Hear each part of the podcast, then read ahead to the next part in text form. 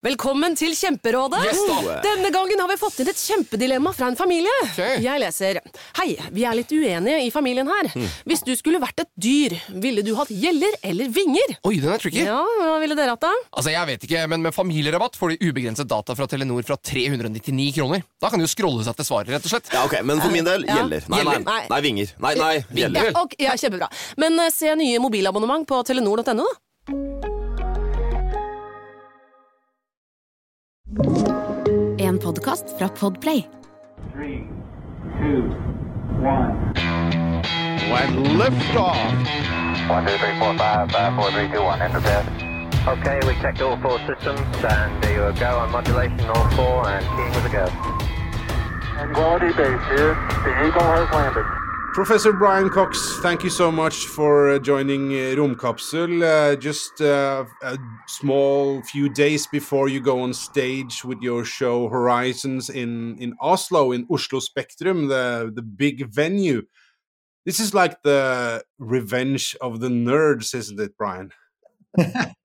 yeah, I mean, this tour has been going on for for a year now or more, and it is it's it's it's a rock and roll tour. I mean, in the in the UK, you know, we, we played arenas 14, 15,000 people. We had in all, you know, I, I don't know if you know, but I began life as a musician, and I dreamt of having a tour where we had more than. Um, I don't know what the vans are called in Oslo. We had a transit van, you know, a little tiny yeah. little van. Oh, yeah. Ford.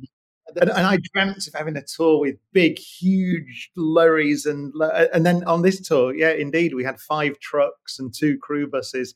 And I thought my my twenty year old self in music would have been so pleased. That so I spent quite a time, you know, wandering around with the crew, just going, "Yes, this is finally, finally, I've made it." But I didn't make it play music, so I decided to talk about the origin of the universe and the nature of space time instead and that seems to have done the trick. But it, but it is, you know, it's a show that was designed for arenas, and indeed in Oslo, you know, we have the the LED screens and the so so um, pretty much the arena show that we had in in the UK, um, because I think astronomy lends itself to as well as as deep ideas and challenging questions, it also lends itself to spectacle. Because the you know, the, the images um, from obviously Hubble, but also the JWST, and um, even actually the the rather slightly blurry images of black holes from the Event Horizon Telescope look magnificent when you put them on big LED screens uh, in in big arenas. They do. And yeah, Uh, I was I was thinking about that, uh, Brian, because a show of this size, uh, it has to be planned, and it has to be planned a good while in advance, and then comes James Webb Telescope and finds new things that will kind of trip up the things that you've already planned on. Uh, are you cross with James Webb? No, I, I, I love it because I put them in. So, so that I stress my video people out hugely because I turn up on in the afternoon when they've spent all day building these screens and setting everything up, and I go, I've just got a new image. I want to put this in, and they go, Oh no, really? You know, so they've got used to it now. But that, that to me, um, energizes me. You know, the fact that I can talk about new ideas. I mean, in in the show now, so um, I started on the the European part of the tour two days ago in Brussels, and and I put in a whole new section about Europa because I've been filming for a new BBC series, and we made a which is one of the films is is about Europa Clipper. And uh, so I, I'd just been filming and learned a huge amount about the motivation behind Europa Clipper and the story, the, the intricate story of Europa and why it might be a potential home for life. And I got so interested in it that I put it in the show last night. so, so, um, but- so, yeah. Yes, but this this this is part. This is one of the things I've always loved about astronomy. I mean, ever since I studied it back in the 1980s, it's been like this all the time. For instance, when I when I took my masters, the Voyager probes were heading out into the solar system. So I, we we had sort of our curriculum was rewritten on the fly because we learned one thing, and then there was a space probe that said, "No, it's not like that at all. You have volcanoes." Around Jupiter, for instance, and you have uh, geysers around uh, Neptune, and and that's part of that's one of the things I really love, and I, and I also think think one of the parts that the audience loves because I guess they expect you to be updated, right? I mean, if you find something new about from the Webb telescope, they they do expect to see it in the show. Yes, yes, absolutely. And, and as you say, the the um, I'd also um, we've been making some uh, films about Pluto, the New Horizons mission to Pluto. Oh yeah, and it's interesting oh. that um, you know what, what, I spoke to when you speak to the scientists on that mission. Uh, nobody they're, they're fairly confident that that you, you know you can always look back in the scientific literature and find that somebody guessed something about 30 years ago and they'll claim they discovered it but the idea of nitrogen glaciers on mm. Pluto, I, I, don't think anyone really thought that you would have nitri- nitrogen glaciers that flow in hmm. the same way that water ice glaciers flow here on Earth. And, and it's kind of obvious in hindsight because what you have there is a is solid nitrogen, but very close to its melting point on Pluto. And so the behavior of the material is similar to water ice close to its melting point here on Earth. But nobody thought of it. And, and one of the scientists said to me that the thing, every time you go into the outer solar system or you get yeah. to a new place, Pluto, or as you said, in, in terms of Voyager, the, the moons of Jupiter and Saturn, uh, you find that nature's imagination exceeds our own. So na- nature will make interesting places in, you know, that's, in regions. Yeah, that, that's so true. We just made an episode about uh, JUICE, ESA's um, Jupiter probe, yeah. which is sort yeah. of so supposed to be the companion of uh, Europa Clipper. And then we had to then I had to research Ganymede and Callisto, which are also really interesting moons, which we also know very little about. So again, I, am just expecting that in the early 2030s we will see some really astonishing things from Jupiter and also from Saturn with that huge thing that's going to fly around on Titan. I mean Titan. I mean a nuclear powered drone that's going to land on Titan. It's I, I love this science. yeah, well, I mean, Europa. Um, you know, the the as one of the big questions with Clipper and JUICE that they're designed to answer is whether material from the surface can get into the ocean below, and it's strongly suspected it can. Hmm. But it, the geology is, is interesting because you're talking about what 40 kilometers of ice, maybe more. Mm and and the amount of energy required to essentially have plate tectonic like behavior on that moon, which is observed, is enormous. And it's not as uh, in my conversations with the Europa Clipper scientists, that there are different theories for how that energy is stored up and then released in order to make the ice behave the way, the way that it behaves, hmm. really to fracture that much ice in a way that it seems you can get material from the surface into the ocean. Uh, and, and so that's a wonderful thing, isn't it? We don't even know the mechanism by which the geology that we observe on the surface is proceeding. And you would think, you know, you'd think we'd know that. It's just ice. Hmm. Yeah. But it behaves in such a strange way in that particular environment with that hmm. particular orbit and the interaction with Io and so on in particular. It's it's difficult yeah. But uh, excuse me for one second. We have had uh, several of like these kinds of talks on our podcast, and I always say that oh eh, I, I get a headache from thinking about this because the questions are so big the universe is so vast and then you stand there on the big stage on tv and on every discovery program ever uh, has had a segment of brian cox uh, in it and what does that do to your mind thinking about these things 24 7 um, well, I don't think about it all the time. I think about what wine to order and things like that as well. yeah, you wouldn't need that. You wouldn't need that. Yeah, yeah. But I think it's. It, I mean, the mo- the most challenging thing that I talk about, and I, I, I, I'm not sure I found absolutely the right way to talk about it yet. It is black holes because that's what I've become interested in. Um, and so, you know, when you talk about geology and the search for life, at least there's, I think there's a simple story to tell, a simple motivation. Oh. But with um, with black holes, I've tried to make television programs about the black hole information paradox, and what we know about black holes and the and emergent space time. And I'm going to talk about all these things in the live show. And uh, that I, I, don't think I've ever successfully made one yet. Mm. I don't think I've quite found the way. so, so it changes quite a lot in the live show, actually. So what you'll see is is me try me trying to compress um, papers, you know, work that's been done now, so 2019, 2020, 2021, um, into some kind of intelligible format on the stage. So there is a section of that which I would call experimental. It's like experimental theatre. It's almost avant-garde, as I'm trying to talk about. You know, um, so, well, uh, how a black hole could store information, how information can be conserved and get out of the black hole and become imprinted in Hawking radiation. And it's not very visual.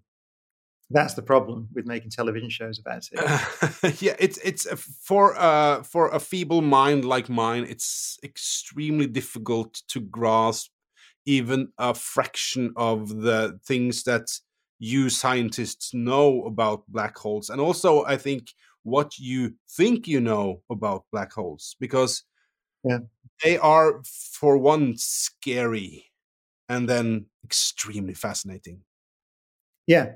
I mean, they, they what we, I mean, we we are now entering a, a, period of time when we when black hole study is experimental because we have the you know, the Event Horizon Telescope, but also the gravitational wave detectors, LIGO, Virgo, and so we have data now for the first time on black hole collisions and the images from the radio telescopes of black holes. But I think that what's interesting is that the if you look at the history, and I talk about this in the live show, uh, back to 1974, you know, the original papers by Stephen Hawking and Bekenstein and others. Um, you, you have what you have is fundamental physics that we're pretty sure we understand. And the really interesting thing about black holes, well, amongst the many interesting things, is that the event horizon is a region of space time where we expect to understand the physics. So that there shouldn't be anything that our quantum mechanics, essentially basic quantum mechanics, and relativity can't deal with at the event horizon. And that's why it's become so interesting because initially, uh, when, when you go back to the, the papers through the 70s and 80s and all the way through to now, actually, applying that basic physics in a region where it should work has produced apparent paradoxes. And that's why they're so interesting, actually. So we're not talking about the singularity where nobody knows and it's all very complicated and you need a quantum theory of gravity and so on. It's actually the event horizon, which is somewhere where we should be able to describe the physics. On the other hand, that's when science gets interesting, right? That's yeah. when you you you you expect to see one thing and then you see something completely different and then you know that this is an area which excites scientists that's sort of and and that's one of the things that sometimes can be hard to convey that uncertainty or surprise or a lack of an explanation is actually a good thing in science it's when we know oh, everything it's cool yeah that's that's when it gets exciting that's what really turns scientists on and and and sort of conveying that i think you're very good at doing that conveying that excitement of actually not knowing, right? Yeah, I mean, there's. Uh, I mentioned it at the end of the show. I usually, I mean, I, I, as you probably get the impression, I kind of ad lib through it somewhat, but usually I talk about uh, Richard Feynman, one of my favorite essays from 1955 yeah. called "The Value of Science," and sometimes I, hmm. I read some of it out actually, and in there, you know, he he talks about what the most valuable thing is about science, and you might you know, the obvious things to say, which, and it's true, are that science lies at the very foundation of our civilization. So obviously, we all think about hmm. medical science and and, and communications and now our cell phones, all that stuff. But actually, he says in that essay, the most valuable thing is that and the embracing of doubt. And, and he hmm. calls science in that essay, he defines it as a satisfactory philosophy of ignorance, which is a hmm. beautiful definition. And he says that, that that's the true value. It's I, I hmm. remember the words he writes. He he says that we we as scientists have a responsibility to communicate how doubt is not to be feared but welcomed mm. and discussed. And that's the foundation of uh, not only science, actually, but also democracy, um, as, as, he points out in that essay. Yeah. Yeah, that's true. And also, wh- when you mentioned Feynman, I've also read that essay, and and and well, if you want a sort of solid grounding in physics, his lectures, his the Feynman lectures on physics, are still very very good. They're out there, and you can. I, I think you might even go to YouTube and listen to them, but they're really great. So if you want to sort of understand physics from the bottom up, go listen to Feynman. He's still very very relevant, and he was also a very good sort of to to tell the story of science. Oh yeah, I mean the Feynman lectures. You're absolutely right. He, you know, you've probably spoken about the story before, but he he went he decided to build a whole course in physics from the ground up and went back and learned it himself. Just relearned. Yeah, yeah, right. so it's his view. And there's a, the one the thing I always remember in the Feynman lectures is I'm I'm always getting asked in these TV shows and things to explain mm. tides. I mean, we're talking about Europa, right? So the, yeah. the reason saltwater ocean on Europa, liquid water, is because of tidal heating. And so tides. And then and, and always when you do it on television, the, the television executive says, let's do tides. And I say, Are you really sure? Because it's not as simple as you think it is.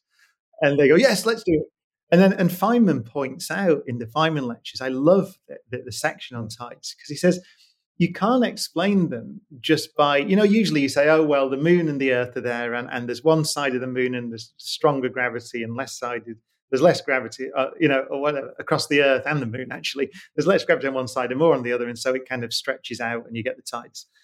And, and it's of course Feynman points out that if you consider just a static model, if you just say, well, here's the Earth and here's the Moon, and there's a bit more gravity on one side than the other, then you, you well, the Moon and the Earth would just smash into each other if they're just being hmm. pulled together by gravity. You've got to know rotating around each other; they're orbiting around mm. a common center of mass. And it, so he goes in some detail into how tides there's a there's a centrifugal term and there's a gravitational term and there's a and it's brilliant right it's a magnificent explanation of the tides and it, so so what feynman always does and he said that i think there's an interview on youtube which he said where he, he says it he says you can't be too simple right if, if you oversimplify then nobody has any chance of understanding it because you've not given them enough information so there is there is a level at which you, you've got to get to a certain level before you can provide a satisfactory explanation of virtually anything. But isn't that aren't I think you you're touching on something extremely important when it when it comes to uh, conveying the the topics that you you work with and and also at some level what we do is the the the ability to make something extremely difficult understandable but understandable enough and make it complicated enough to still be fascinating. And you do that very well. Well well thank you. I mean i, I the the uh, the reason is i think one thing i've learned is that i'm quite slow uh, in, in uh, being a physicist, in, in in learning things, because I really want to understand uh, the, uh, the, from the ground up. And Feynman said this as well. He said, "I think the easiest person to kid is yourself, right? So you can easily trick yourself into thinking you really understand something." And so, because I'm quite slow when I want to explain something in a book or on television, I, I, go back to first principles for my own benefit so that I make sure I understand it. And very often I find out that I didn't really understand it properly. A very good example is I've just written a book uh, with a colleague of mine, Jeff Forshaw, on black holes. Yeah. And um, we, because we became fascinated and we share a PhD student now who's working on black holes and quantum information. And um, we, the, the, the thing that was wonderful to me about writing the book was the thermodynamics. So really basic undergraduate thermodynamics, like what is entropy and what is temperature and where did those concepts come from and how have they evolved and how do they transfer over to quantum theory and th- those things. And, and I, I, really loved to the point of actually I, I want to teach it now the, I want to do int- introductory thermodynamics at, at Manchester and teach that lecture course because it was so fascinating to me that you know and obviously you learn it when you're an undergraduate and mm. but i just hadn't appreciated the elegance and depth of the of the subject at all when i was an undergraduate and it was going back to try and talk about black holes that i realized how what an amazing subject thermodynamics is. 1202. But th- there is a sort of fractal structure to science in, in, in that way. I mean, you can delve into any part of science and you will find something new. And you will, and, and we, we haven't even talked about the history of science because that's a, another huge subject and another sort of a wellspring of, of, of information you can you can talk about. Uh, so yeah, that's also one of the really interesting and and and and and giving things about and conveying science is that there's always more. There's always some area, as you say, you can sort of dig deeper and then you find something and you find something about the subject or about the people who researched the subject previously, which usually are also very interesting. Oh yeah, I mean the I mean thermodynamics is a great example because you, you, if you if you look at the the subject being developed through the 19th century, the, at the turn of the 20th century, people were still arguing about the existence of atoms.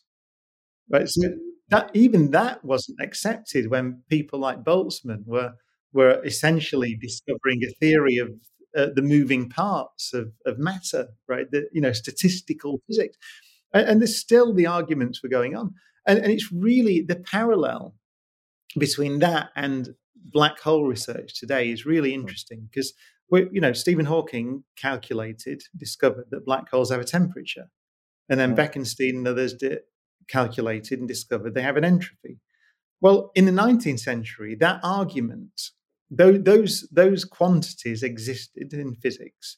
And they were telling us that matter is made of atoms. They were telling us that these ideas of temperature have a deeper explanation in terms of moving parts of, of matter, moving parts of things. And we now know what those moving parts are. With a black hole, pure, the pure description of a black hole is just space time in general relativity in Einstein's just space time. That's it, geometry. But it has a temperature and it stores information. And so the strong implication is that we're at the same point now as we were in the 19th century when we're talking about um, matter. Like we're talking about building blocks of space time, mm. and we don't know what they are. But in, in our book, we say, you know, really what that research is telling us is general relativity is a statistical theory. In the same way that in the 19th century, we we're arguing about the structure of matter. And that, that's really the modern way of thinking about black holes. That's why they're so interesting. Yeah. Hmm. We, uh, we, what a great we, Yeah. I think we keep we keep re uh, returning to black holes. And did you have some questions uh, that we've received over and stored that we might now get the uh, proper answer to from from uh, I mean, basically, I think I think basically that all our questions on black holes have been answered. But I mean, you pose other questions as well. I mean, black holes is just part of, of, of your show. Also, you talk about, right, the universe, how it came to be, and what came before the universe, which is a question that you tend to get if you have any sort of dealings yeah. with astrophysics. Usually, when you meet people, they say, okay, okay, the universe was once there was nothing, and then there was everything matter, time, space. But what came before? I mean, th- th- there must have been something before. I met a guy just a few days ago who had that exact question. He said, but there must have been some sort of ur natural law that allows for the creation of universes. You can't just have nothing that turns to something, he said. And and that's uh, what's your take on this? Because it seems that this, you seem to imply that you talk about this as well. Well, I mean, the first thing to say is, as we said before, the correct answer is we don't know. Yeah, right. and show finished. Thank you. Goodbye. Thank you for coming. Okay. Yeah. okay.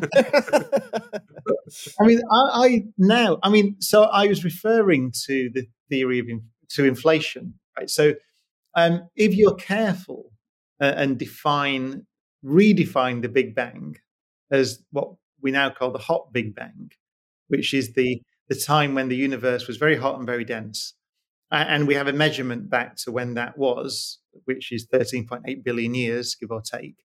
Um, and so we do strongly suspect that there was something before the universe was hot and dense. And I think strongly suspect is probably the right thing to say. And it's a very well established theory called inflation. So the inflation, so the universe was space time was there, expanding very quickly, and then that expansion slows down uh, and, and, essentially collapses. And the energy that was driving that expansion, which has got a fancy name, it's called the inflaton field, but it doesn't matter what it's something driving it. It changes state and gets dumped into space and heats it up and makes the particles out of which we are made.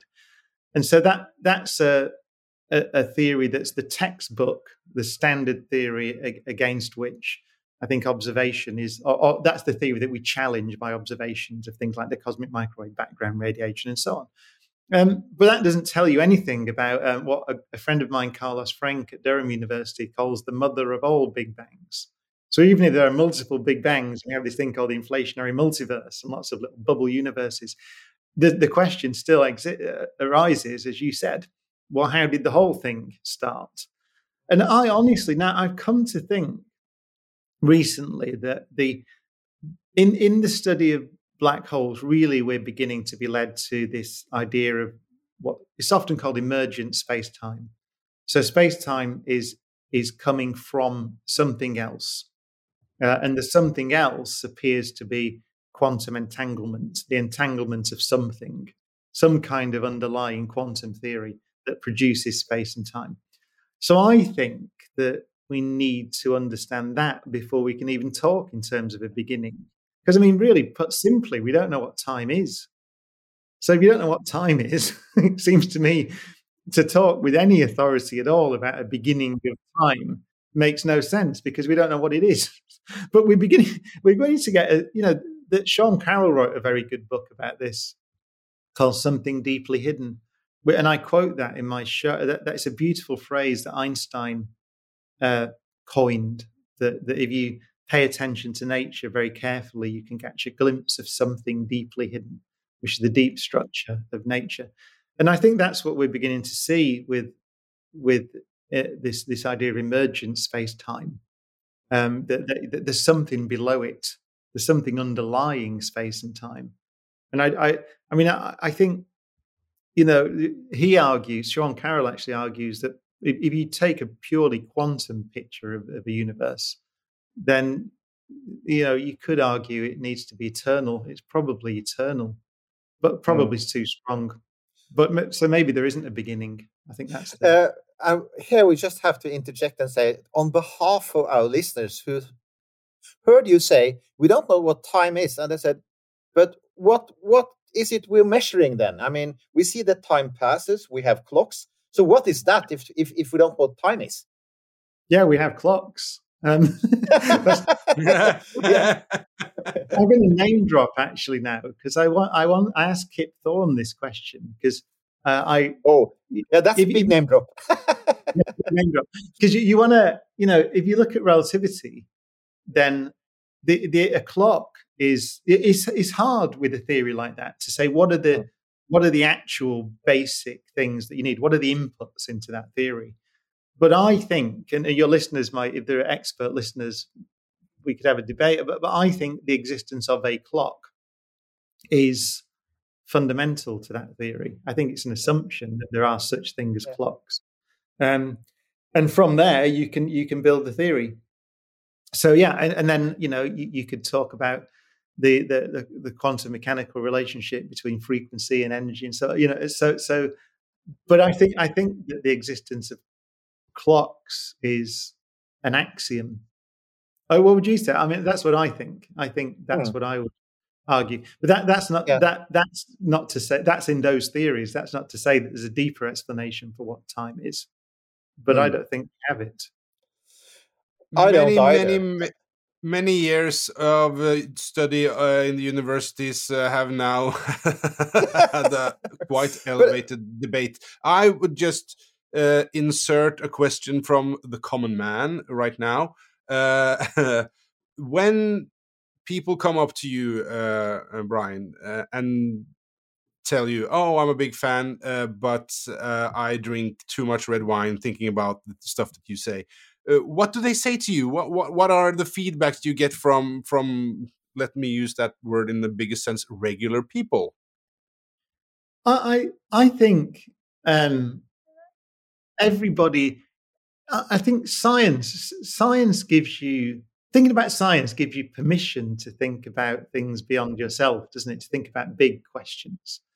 And and I I think I use that word. You know, I think sometimes people think, um, you know, you need a, a little bit of a is permission the right word? Encouragement to to say that you can. It's it's legitimate to think. What does it mean that that there are 400 billion stars in the Milky Way galaxy and 2 trillion galaxies in the observable universe. And maybe the universe is infinite extent in extent beyond that horizon. You know, I, I think sometimes uh, think, well, that's that's just uh, that's too frightening. I don't want to think about it. I'm just going to, like you said, have a glass of red wine. But the idea that you can th- ask those questions, and there is actually an intellectual process by which we're trying to answer them you know, there is a framework there. So it's not just sitting there sort of dreaming about things and getting confused and frightened and then thinking about something else. That science provides a framework by which we can approach those enormous questions. And we don't have the answers yet, but at least we have a framework to sit there and think about the questions. Actually, there's a friend of mine, actually, there's another. So I've got a friend who is the he's retired now, but he was the dean of the cathedral in Guildford. It's this big cathedral, and um, I asked him once, you know, what's the what do you what's your cathedral? What do you think about your cathedral? And he said, well, first of all, it's a place that people can go, and that by its very scale, by the existence of this thing, it should just force you or help you think about something else. And it doesn't really matter what it is you know, he said he's, he's, he's the Church of England. They, they kind of don't really believe much at all, right? so it's very liberal. but he, but so he said, you know, I don't really care what it is. Uh, you know, I just think that these things, these, I, I'm in Berlin at the moment. You know, I went to the cathedral yesterday. It's an incredible building. And the first thing is, it's just an expression of our desire to know something, to make some sense of existence, isn't it? And I think science science is that. So you can think of science as that. Yeah. Yeah, that's that's one of the things that I really like about the way you talk about science is that you you are not afraid of of, of posing questions like this and and putting in, in some ways putting humans at the center of it. For instance, the the point that we exist, the point that we can observe the universe, our role, the the, the fact that sometimes when we talk about uh, universe, we tend to talk about uh, humans just as specks of dust on an average planet around an average star in an average galaxy. Mm.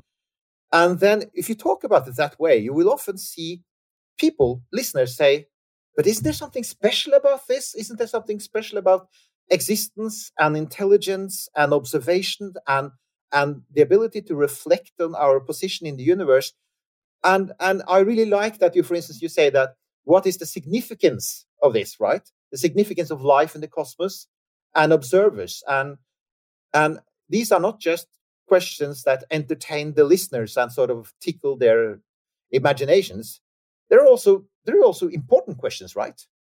Yeah, there's um, the the great book on this, in my view, is a book called The Anthropic Cosmological Principle. Yeah, I, I, I, had I wrote that in my notes. We need to we need to, to touch on that. Yeah, yeah, I, I love that book. It was one of the books I bought when I was an undergraduate, and I just love it to this day. And it's mm. quite a, you know, it goes into some, I think, pr- pretty wild speculation at the end. But you know, in particular, John Barrow is a great hero of mine, um, wonderful cosmologist and a deep thinker. And, and that book really does. It, it puts humans not at the center of the universe, but um, it, it is possible to think about life. L- life is a, a, physical property of the universe, mm. and uh, mm. I think it's legitimate to ask the question: Well, what is is it important? Could life, in the anthropic cosmological principle, that book, they, they imagine this thing called the final anthropic principle, where life in the very far future becomes increasingly important in the yeah. evolution of the universe and it's really it's very speculative, but it's it's it's it's interesting. And I, noticed actually, I saw I read an article a couple of days ago that I think there's a a new book being written by one of Stephen Hawking's collaborators that was kind of with Stephen initially, uh, which, which, seems to be more anthropic in its approach to mm. cosmology. Mm. Um, which so I, I read about that a couple of days ago, so maybe it's about to come out. But I think there's not it's not illegitimate to to think about life in a cosmological context at all. There's a long history of it. Mm. some very good physicists. Yeah, and also, I mean, the converse thinking about a universe completely devoid of life and devoid of observers. That's, I mean, that's sort of this the simplified version of this for our listeners is that the old philosophical problem that if a big tree falls in a forest and nobody hears it fall, has it even fallen, right? And yeah. and if a universe exists without any observers, just just pure physics and no life, does it even exist? This is sort of an extreme or simplified version of it. Yeah, and it'd certainly be completely meaningless. Yeah, because I think you know, but I, I mentioned this in the show. I, you know, whatever meaning is, we talk about meaning, what it means to be alive. Whatever it is, it's a property of conscious beings. Right? It's yeah. clearly here on on this planet, in this little corner of the universe it's a property of brains, uh, hmm. brains of complex creatures, and really arguably humans, right? So yeah. That you know, and we can argue about how sentient different animals are, but at least at least complex animals with brains. Uh, and so, if you remove brains and complex life, you remove meaning. Uh, and then, and I ask the question, I talk about it in the live show. You know, what do we know about the probability that a galaxy such as the Milky Way, has more than one civilization, or, or yeah. we know it has one. What do we know? How far out into the universe would you have to go to find another one? And we don't know, of course, but we can sort of speculate that there's some things yeah. we know about the history of the, the evolution of life on Earth that allow us to make at least an educated guess. Um, and, and I point out that if if it is true that civilizations are very rare, and again, I, I, mentioned Sean Carroll before. He's a good friend of mine. I asked him once, what, what, on average, how many civilizations do you think there are in a galaxy? And he said, none. Zero. Um, so if that's true, then you know we we might be the, the only island of meaning in a in a sea of 400 billion suns. And I think that's that's, that's, that's not a scientific thing to say. Yeah, that's that's interesting because it sort of it partly solved the not paradoxical Fermi paradox, the, the the fact that the universe seems quite quiet at the moment. Yeah. Uh, and and and it might be, as you say, as simple as as there are billions of galaxies. Even if there, on average, is one civilization per galaxy, you could hmm. have a universe full of civilizations, but they are so far apart and moving apart so fast that they might never be able to communicate with another. That's one possible solution to this that we I mean, I, I grew up in the 70s and I remember reading, for instance, all the papers that were published back then, written by folk like Carl Sagan and his collaborators that more or less expected to, to receive some kind of signal pretty soon. They were planning for that.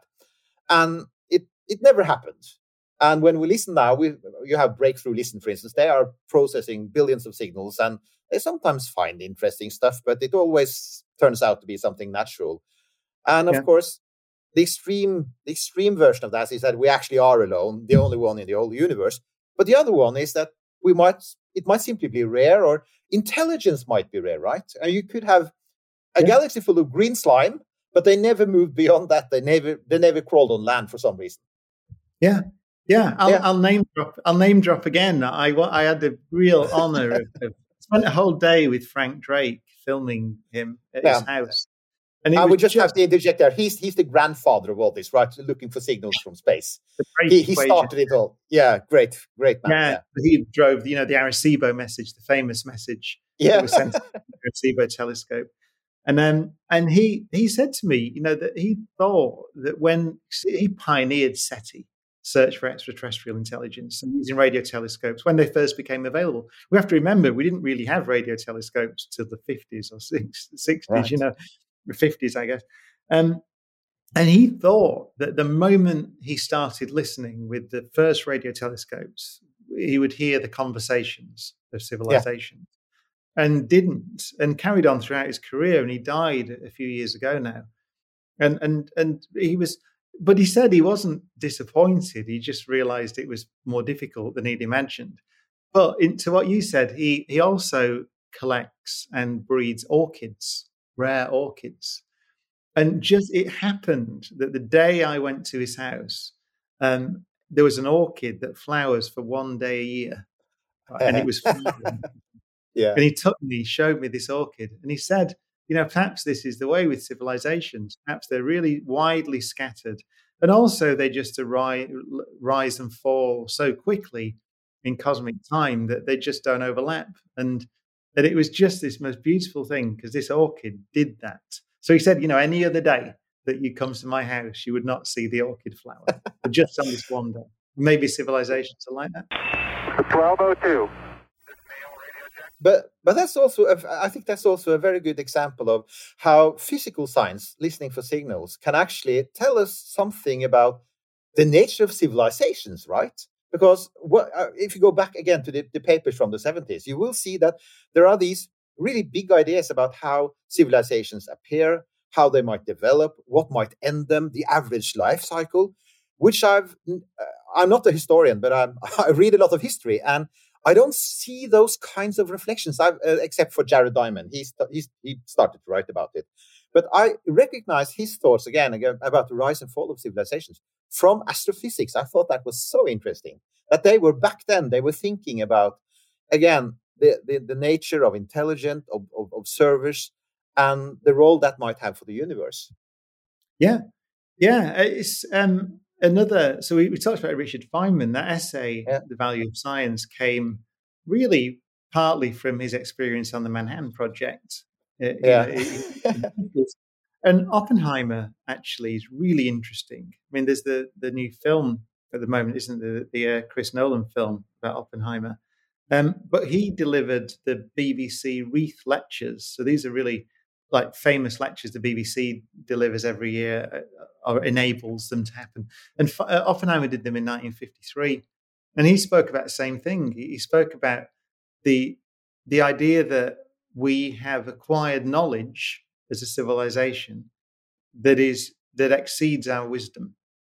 So he felt he was very surprised. Uh, Feynman was as well that he was alive in the 50s um, because he thought that the the bomb, the, the atomic bomb, was so powerful that we wouldn't be able to control it. And and the jury is still out, by the way.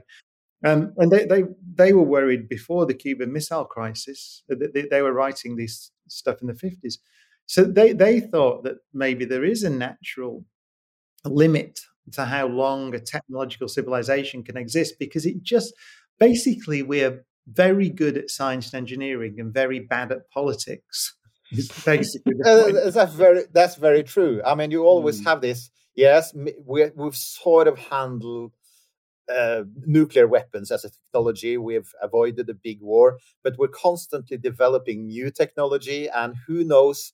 Just around the corner might be some. For instance, for a few some years ago, I was involved in the whole uh, nanotechnology thing here in Norway, and people mm. were talking about the gray goo that at one point we might develop these machines that were self-replicating and they would more or less eat everything they, they came across. And I was thinking, yeah, well, that might be the answer. Who knows? That, yeah, we yeah. think uh, uh, we would think nuclear weapons are the worst we can do. I mean, humans are really, really good at inventing bad things. Yeah, and and one one day someone will make a black hole in CERN and it will eat us all. Oh yes, absolutely. Yeah, right. Mm. that that I can definitely say is not going to happen because uh, we if you can make well, there are lots of arguments about why that's not going to happen, and one of them is we did think of it. You know, I mean, it's not surprisingly we thought. So there were those statistical studies done with that with um, the fact that cosmic rays that are bombarding the Earth all the time are energies far in excess of anything that we can generate at the Large Hadron Collider. So we know it's not like black holes, but we know that high energy particles collision, particle collisions do not destroy things because nature is bombarding us with very high energy particle collisions yeah. all the time. still here, and that's actually the analysis was done so there is, a, it's not just saying the words that you can do analysis. We have measurements of that. Um, so not only the theoretical considerations, but also actual measurement tell us that we're okay. That, that's the least of our worries. I, would focus, you said, on um, atomic bombs, bioweapons, um, Hmm. you know, those threats. I think that I, I always think that you know people say, you know, what's the in a violent universe? I get asked this a lot.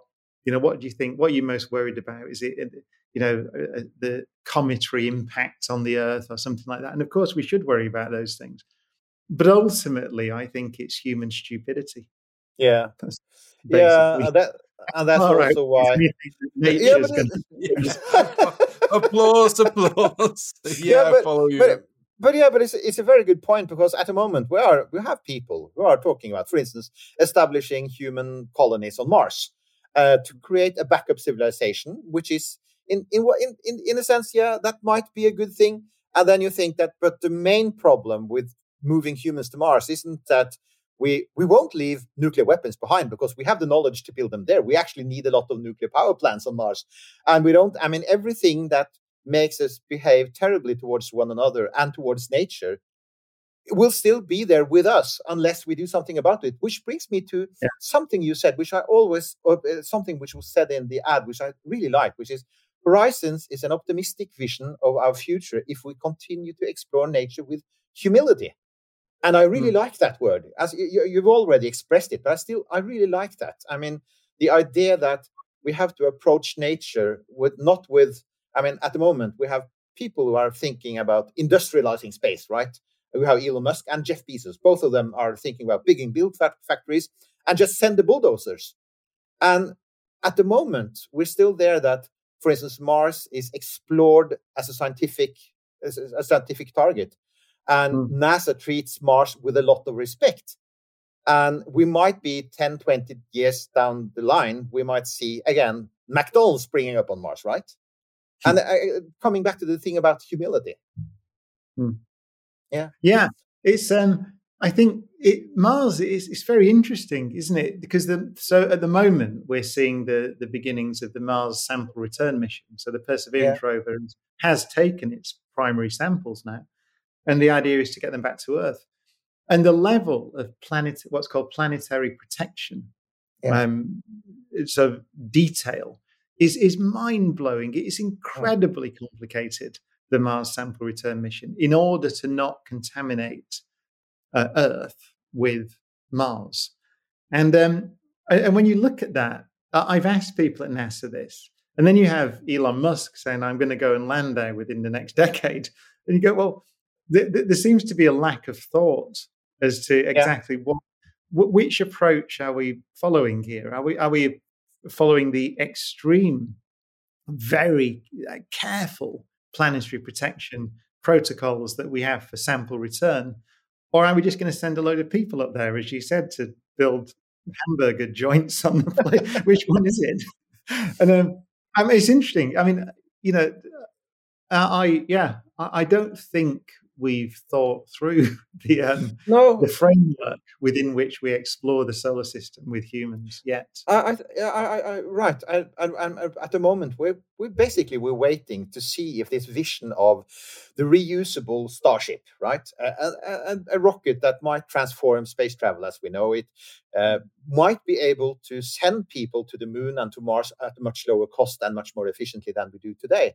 And and again, it seems like so many times in human history when we are faced with advanced science and technology, and all advanced technology is based in very good science, um, we don't we tend to not stop and take a pause and think, what are we actually doing? Um, a couple of years ago, we had one of our guests was um, she's a space ethicist, and one of the few. I mean, space ethics is a, is a subject among philosophers. She's a philosopher, Andrea Ove, very very bright woman, and she took her master's degree in space ethics, and it's I think it's a really interesting. They, they, they ask some really interesting questions, not just about um, uh, about uh, as you say protection, planetary protection, but also about sort of what is the universe, and does, for instance, Mars, the landscape of Mars, does it has have an intrinsic value in itself? I mean, Mars is a beautiful planet on its own, uh, on its own, and and uh, do we have the right, or should we at least discuss transforming, terraforming Mars? And I think that's an interesting conversation to have when, when we, before, before, preferably before we go. Yeah, it is. Uh, I mean, I my provocative reply. So this is for people that don't understand what what what the purpose for the purposes of debate, because obviously I'm on Twitter as well, so you say anything at all and people think you really mean it, right? Yeah. So, let me say to your listeners, this is it for the purposes of debate. So I, do think that civilizations. Let, let's let's assume there's only one in the Milky Way galaxy at the moment, and it's a good assumption. Let's proceed on that basis. And as I said, let's assume this is where meaning comes from. So meaning is a property of things like humans, right? So then, then you could argue that the, a place that's devoid of life is a place that's devoid of meaning, Yeah. and therefore doesn't have any intrinsic value. You could argue. Hmm. I, I, could, Yeah. I, I could place. I could. I could make a strong argument that consciousness, whatever it is, is the most valuable physical property of the Hmm. universe, and everything else pales into insignificance. Yeah. And so, therefore, you know, if we go on and go and mine the asteroid belt, if there are no, if there's nothing there, even if there, are, you could even push it. You could even say if there are microbes there, um, you, you could push it and say, well, that's meaningless as well, because you know they're not thinking great thoughts or Yeah. bringing meaning to it. So, so it is. It's a very interesting area where you can be really provocative and really push it.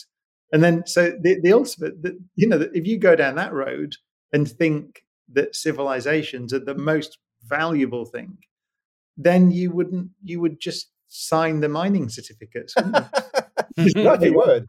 And, and that, that might, yeah, and that So- might be okay. Or uh, as I said, we, we, we we probably should have a conversation about it. I also think that this is partly a sort of a Norwegian way of seeing things because we love our mountains in Norway, even when there's nothing on them.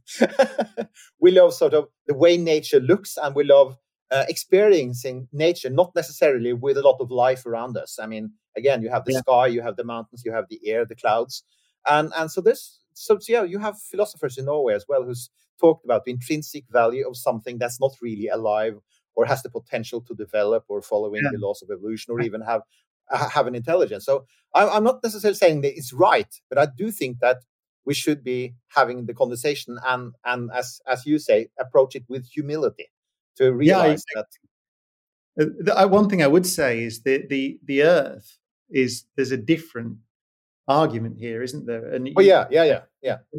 because actually this is one system, this planet, um, and the the idea that you can sort of remove a little bit, as you said, let's imagine if you melt the ice caps, for example. If we melt the ice caps, then the whole system is in trouble as an extreme point. So, so I think the, the Earth, the, the argument for being extremely careful about all natural systems, ecosystems, and so on on Earth is is overwhelmingly powerful. There's no doubt about that, because we live in an extremely interconnected system Yeah. that we don't fully understand. And even if even if you took the view that the most valuable thing was human civilization, even if you took that hmm. position, then in order to support it, you need the rest as well. Yeah, you need- really yeah. Yeah, Yeah. Uh, and and of course there is an argument to be made, uh, and actually Jeff Bezos has made that that he's he he he gave a lecture a few years ago where where he more or less said that he's aware that sooner or later you will hit some really some real physical limits. We're already hitting them uh, when we have. You, you can't have unlimited growth in a closed system, which the Earth in many ways is. So he said, "Okay, let's move it out into space. That's that might be a solution." And and you have some science fiction writers as well that have imagined a future Earth, which is more or less turned back to nature, rewilding, and humans have moved out into space and they live in big orbital stations like the ones you imagined in the 1970s, O'Neill cylinders, um, which which is actually uh, that's a very good again counter argument. I mean, because when Jeff Bezos talks about building rotating huge stations in space, I mean, he's basically, we can't say that vacuum has intrinsic value, can we? I mean, there has to be a limit somewhere. Yeah. Oh, he said to me, uh, I'm name dropped again, but he said to Yeah. me, Whoops. Um, he said he wanted to zone the earth residential, yeah, right. make you know, move the industry off into space where the resources and power is Yeah. solar power. Yeah. Um, and uh, basically, it- I mean, yeah, and, and, and, and then you can have all the economic growth you want, except, of course, I think the ultimate limit, would you say it's right to say that the ultimate limit of economic growth is actually the speed of light? I mean, you can't necessarily grow faster than the speed of light.